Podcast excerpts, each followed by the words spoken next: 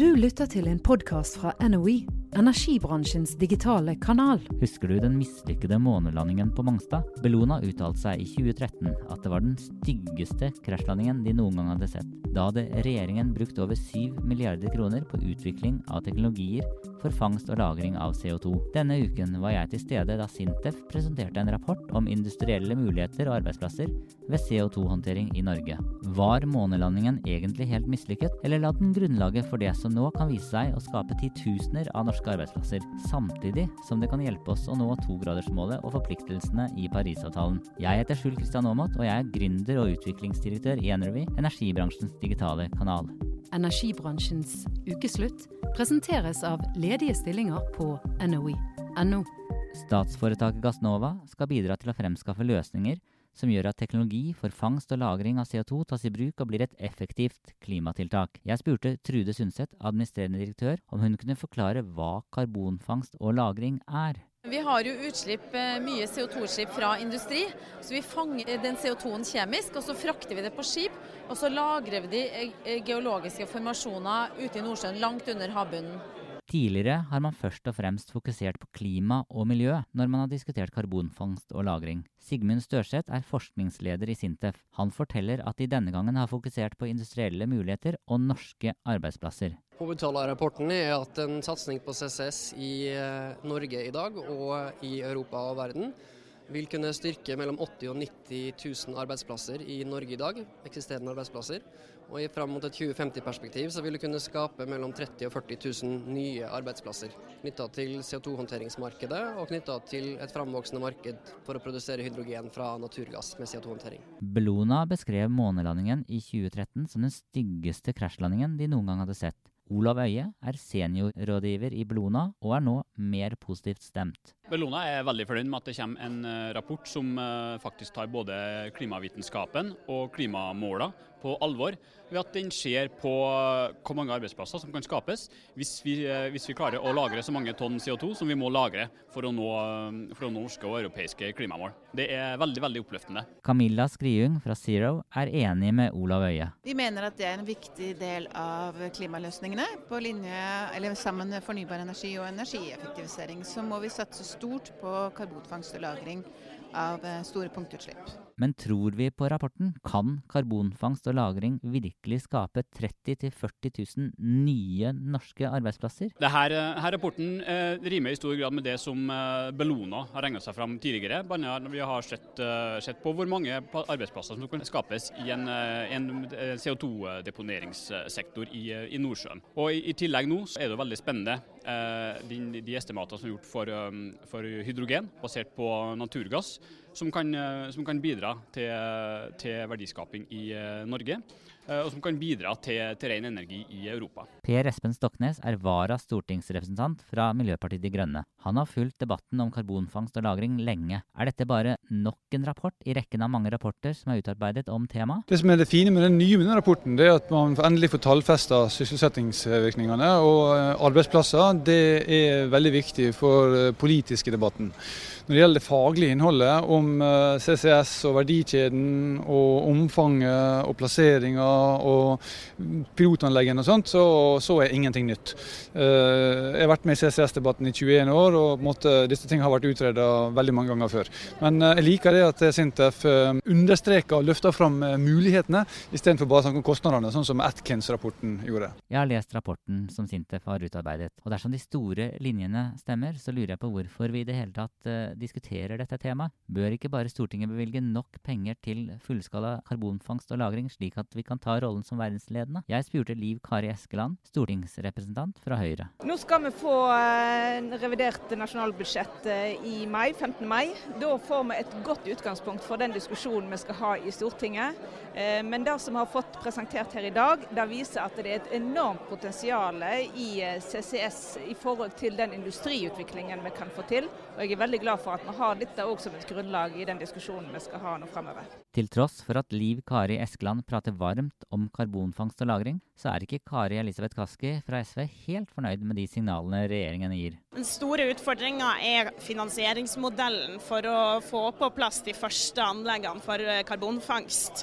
Og Der har vi kommet for kort, og jeg er bekymra for signalene fra regjeringa, som jeg mener bidrar til stor usikkerhet i industrien, og usikkerhet om man egentlig jobber med de gode finansieringsmodellene. Fordi at Der har vi ikke lykkes så langt, og det er egentlig nøkkelen til å, nøkkelen til å få på plass karbonfangst og -lagring i Norge. Energibransjens ukeslutt presenteres av ledige stillinger på NOE.no. Det er altså relativt bred enighet om at karbonfangst og -lagring er svaret eller løsningen på problemet. Men Sigmund Størseth fra Sintef understreker at det krever tung finansiering. Forutsetningen i vår rapport er at det er et marked for CO2-håndtering i Europa.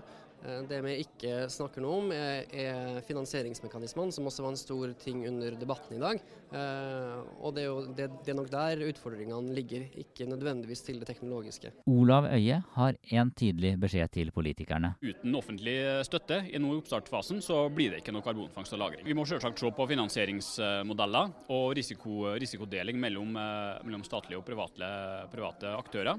Men eh, her nå i starten for å få det her i gang, så er det, mm, så er det bortimot utenkelig uten eh, stor offentlig, eh, offentlig, støtte. Og det har vi i Norge råd til. og Denne rapporten viser hvor mange arbeidsplasser det kan bidra til å styrke, og hvor mange arbeidsplasser det kan bidra til å skape i en, i en lavutslippsøkonomi i Norge. Johan Hustad er direktør ved NTNU Energi. Han oppfordrer politikerne til å løfte blikket. Altså Jeg tror at uh, man blir for konsentrert om kostnader hele tida. Og så har man ikke sett det, det store bildet med hva kan dette skape, hva kan det føre til. Og Da er man nødt til å tenke visjonært. Man er nødt til å tenke over, som vi nevnte i innledninga, tre, fire, fem stortingsperioder. For det er faktisk sånn man bygger landet, og man må gå sammen om å ta den typen store beslutninger.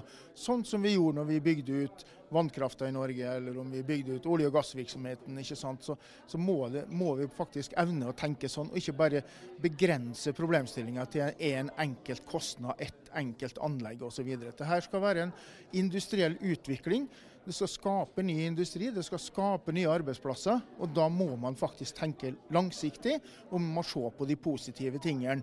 Og det er det vi har utredet i den rapporten. At vi ser på arbeidsplasser. Hva kan vi skape ut av den virksomheten? Og Det er det som er viktig, ikke nødvendigvis akkurat hva akkurat det prosjektet koster. Jeg innledet med å nevne den mislykkede månelandingen på Mongstad. Hva var det egentlig som skjedde? Jeg spør Trude Sundset i Gassnova. Vi hadde et stort prosjekt eh, som ikke ble noe av, men vi fikk bygd eh, et fantastisk flott teknologisenter på Mongstad, det vi kaller TCM.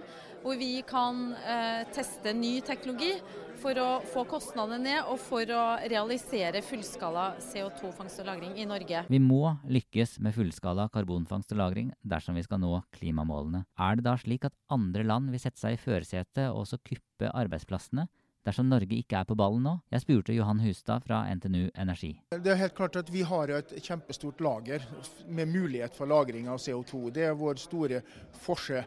I tillegg til at vi har den kunnskapen. Altså Når vi har holdt på med dette i 20 år, så er det klart at det er ingen andre land som på en måte har den typen kunnskap eh, som vi har der. Så, så, det er en kjempestor forskjell som vi må bare fortsette å bygge på.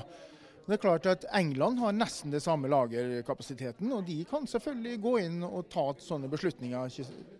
Så, og andre land. Når det gjelder selve fangstteknologien, så, så, er det klart der er det jo mange som er inne og, og forsker på det, både i USA i, og i Japan, i Kina osv. Testanlegget på Mongstad de har jo en avtale nå med kinesiske eh, myndigheter om å teste kinesisk teknologi.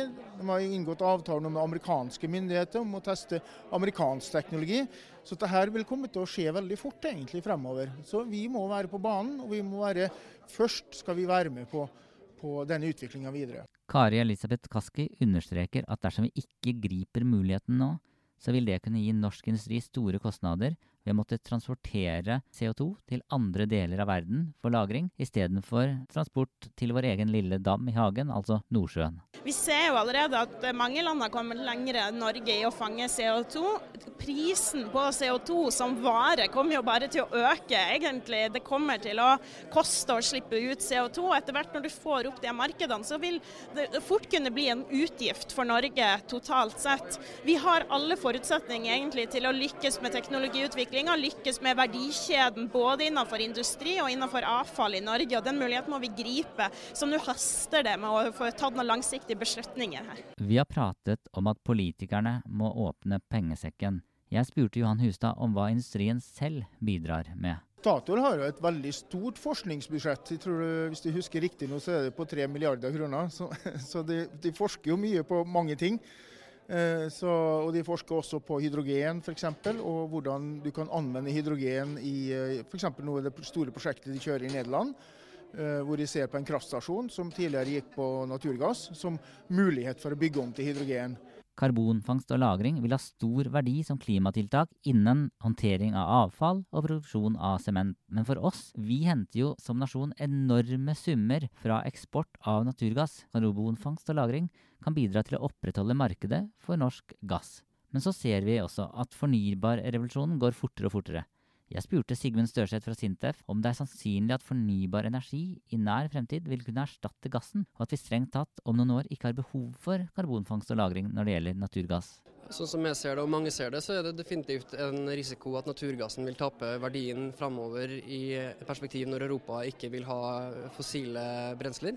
Eh, på den måten så kan hydrogen produsert fra naturgass med CO2-håndtering, sånn at hydrogenet blir utslippsfritt eller lavutslipp, kunne bidra til å ta en del av den plassen som naturgassen har i energisystemet i dag. og Det vil være en ganske viktig og komplementær løsning til fornybarrevolusjonen, som vi også trenger. Så det der går hånd i hånd, eh, egentlig. Vi er alle enige om at det er viktig å jobbe for klima og miljø. Men hva er viktigst?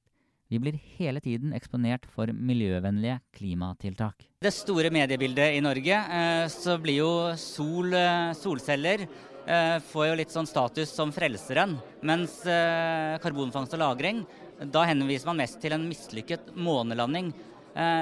Vil du si at karbonfangst og -lagring er viktigere enn sol her i Norge? Nei, jeg mener de henger sammen. fordi jeg tror ikke at eh, karbonfangst kommer til å bli noe stort innenfor energisektoren. Der vil fornybar energi eh, ta egentlig hele bildet, fordi kostnadsutviklinga der er så rask. Og de vil alltid være billigere med fornybar energi enn en fossil energi med CCS. Men vi er helt avhengig av CCS i industrien og i avfallssektoren. For der har du ikke andre løsninger for å fjerne CO2. Også det trengs i Norge. Så det er egentlig der det store potensialet ligger ligger. Per Espen Stoknes fra Miljøpartiet De Grønne spøker litt med at han i denne saken står skulder om skulder med norsk olje og gass. Og det er ingen dagligdags hendelse. Ja, Det som demonstrerte her på debatten i Gran i dag, er at det er en eh, utrolig brei eh, allianse. Fagforeningene er virkelig med. Eh, norsk industri er med. Industrien generelt, forskningsmiljøene alle partiene sier egentlig at de er for. Så, så det er en veldig brei eh, allianse. Um, og da når um, Norsk olje og gass også løfter fram og jobber for ikke bare uh, gasskraft med CCS, men nå er med på å snakke om industriutslipp CCS, så er vi helt på linje med dem. Men Stoknes understreker at de ikke har gått helt til sengs med norsk olje og gass. Eh, vi kommer selvfølgelig til å være årvåkne hvis eh, norsk olje og gass bruker dette som en eh, undersluntring eller et påskudd for å eh, utvide ytterligere mot uh, nye felt. Fordi at de sier at vi kan sette CCS på dem, men da er ikke det så farlig. Da kommer vi til å gå imot norsk olje og gass igjen. Men når det gjelder de eksisterende feltene, og det gjelder eksisterende industri, eventuelt ny industri, planlagt med CCS inkludert, så er norsk olje og gass en god alliert for oss i denne saken her. Energibransjens ukeslutt presenteres av ledige stillinger på NOE.no. Stoknes tør ikke satse på at fornybart vil utkonkurrere gass i nær fremtid. Um, vi er for at eksisterende feltene skal kjøre så lenge de kan. Um, det er også sånn at eh, CCS er helt nødvendig i forhold til å nå 1,5-gradersmålet. Eh, det finnes en teoretisk mulighet for at eh, fornybar kan vokse så superraskt at det konkurrerer ut eh, gass og olje og kull på rent økonomisk grunnlag. Det ser vi på, det håper vi på, men vi kan ikke satse kun på det. Eh, jeg liker de beregningene som viser at CCS er kanskje typisk det mellom eh, en tiendedel og en femtedel av løsninga. Så rundt 15 eh, av de kuttene vi må ta, er det CCS som bidrar på. Vanligvis så er Bellona bekymret for at ulykker i Nordsjøen skal bidra til uønskede utslipp. Jeg spør Olav Øie fra Bellona om de har sett på risikoen ved uønskede utslipp av karbon fra lageret i Nordsjøen. Det er ikke noe som tyder på at, på at det er noe fare ved å lagre CO2 under, under havbunnen. Statoil har gjort det her i, i mange år allerede. Og det, er, og det, er, muligheter for å overvåke det og for å se på hvis, hvis, hvis det skulle, det skulle skje noe. Og hvis det skjer en, en lekkasje under havbunnen, så er det heller ikke veldig sannsynlig at det her vil ha store konsekvenser for, for havbunnen, og i hvert fall ikke for mennesker. Så tilbake til Liv Kari Eskeland fra Høyre. Her viser det i alle fall at vi har et uh, stort potensial til å gjøre det. Og det som uh, der vi står i dag, er at uh, vi kan nok ikke greie oss uten CCS. Og Det er jo den realiteten vi er nødt til å ta inn over oss. og Det er derfor vi har i regjeringsplattformen vært så tydelige på at vi ønsker et sånt prosjekt. Så Johan Hustad, hva venter vi på? Ja, Det var det jeg stilte spørsmål til politikeren. Hva venter vi på?